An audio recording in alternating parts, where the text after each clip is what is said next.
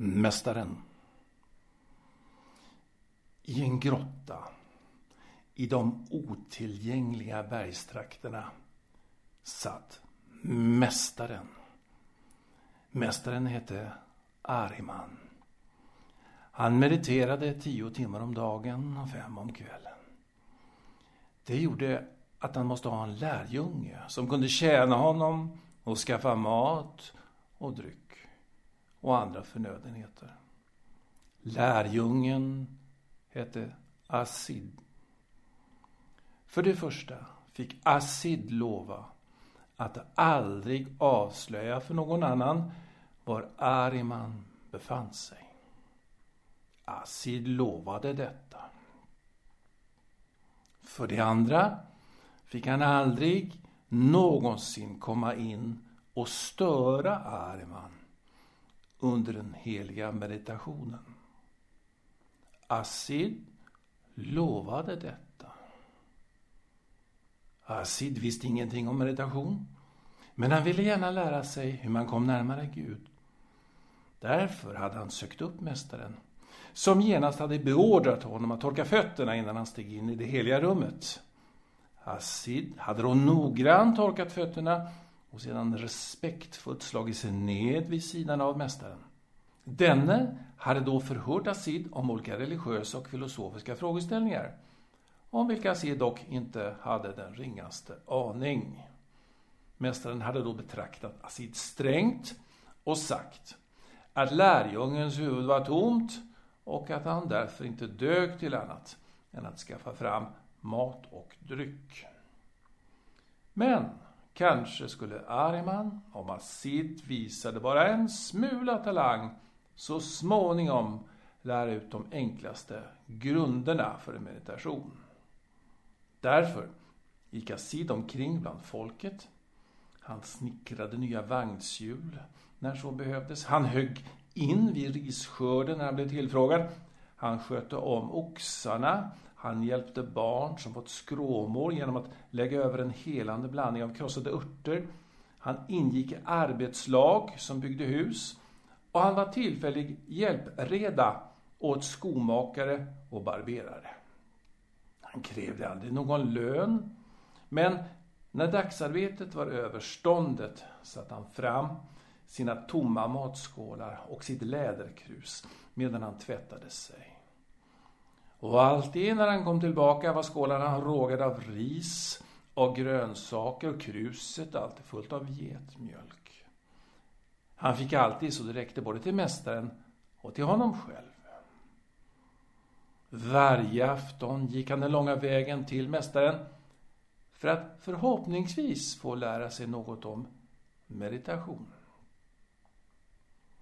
Medan Arman åt satt Asid vid hans sida under tystnad.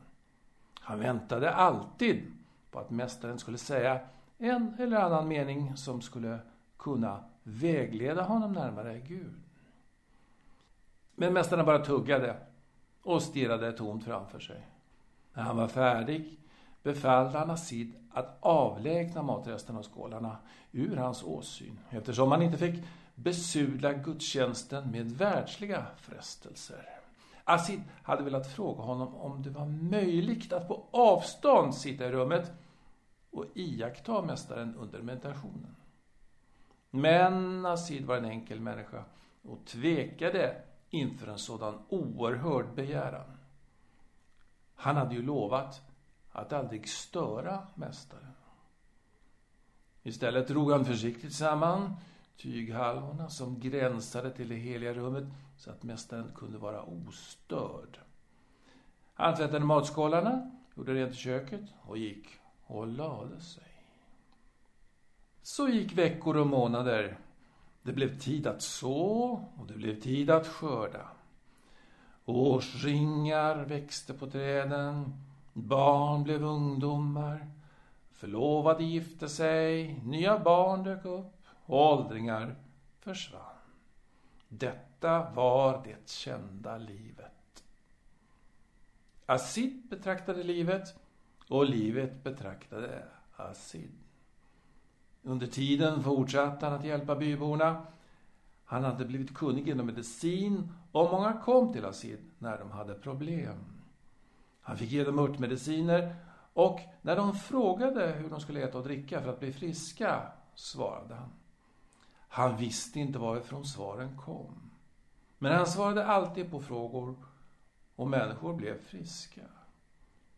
Snart kom de också för att få råd om hur de skulle göra med släktingar som blivit besatta av onda andar och hur de skulle göra med förbannelser som någon uttalat över dem. Asid svarade dem. Han visste inte varifrån svaren kom, men han svarade alltid på frågor. Patienterna lät sig därmed nöjas. Och de som varit besatta blev lugnade, eller helt befriade. Och de som varit under förbannelse kunde häva denna. När de frågade Sid om han var mästaren svarade han dem dock alltid att han bara var mästarens tjänare. Mästaren finns uppe i bergen och mediterar för att få upplysning. Eftersom Asid är en stor ande resonerade då folket i byn måste mästaren där uppe i bergen vara en mycket stor ande. Så folket beslöt att vallfärda till mästaren. Asid försökte hejda dem eftersom han visste att mästaren avskydde att bli störd. Men folket hade nu bestämt sig. De lät sig inte stoppas. Man gick man ur huset och krävde också att Asid skulle visa dem vägen. Asid blev nu mycket olycklig. Ty om han visade vägen hade han brutit mot mästarens förhållningsorder. Och om han inte visade dem hur det skulle gå skulle säkert någon drömma ned i ravinerna och möta en fruktansvärd död. Asid tänkte att han nog var en enkel människa, men han kunde inte ta på sig ansvaret för en människas undergång. Därför beslöt han att förråda sin mästare och gå i spetsen för folket. De gick långsamt upp för bergen och molnen var så nära att man nästan kunde beröra dem. Asid sa att de vuxna männen skulle hålla uppsikt över de äldre och mödrarna skulle ha uppsikt över sina barn. Och de lydde Asid och kom allt närmare mästarens grotta. Man vadade över en strid fors, man passerade över en fallfärdig hängbro. Man kom vidare uppåt, uppåt, uppåt och man kom igenom med livet i behåll. Nu hörde emellertid mästaren oväsendet utifrån. Han avbröt därför sin meditation under mycket grämelse och tog sin stav och gick till grottans mynning. Det gick ett sus genom folket när mästaren uppenbarade sig med sitt praktfulla vita skägg och sin genomborrande eldblick. Asid föll ned framför mästarens fötter och bad om förlåtelse för att han brutit överenskommelsen. Mästare, det var det enda val jag hade, sa Asid. Din nedrige usling, mumlade mästaren och for ut mot folkhopen. Vad gör ni här, bönder och hantverkare? Gå hem till ert! Gör vad lagen föreskriver. Ni har inget här att skaffa. Ni förstår ännu inte vägen till upplysningen, så det tjänar ingenting till att ni stannar här för att lyssna på mig. Och kvinnorna har ni tagit med er, era dårar. Vet ni inte att kvinnor helt saknar tankeförmåga? sa mästaren och betraktade strängt en ung flicka som genast slog ner blicken. Hasida hade nu rest sig och ställde sig framför flickan som för att beskydda henne från mästarens vrede.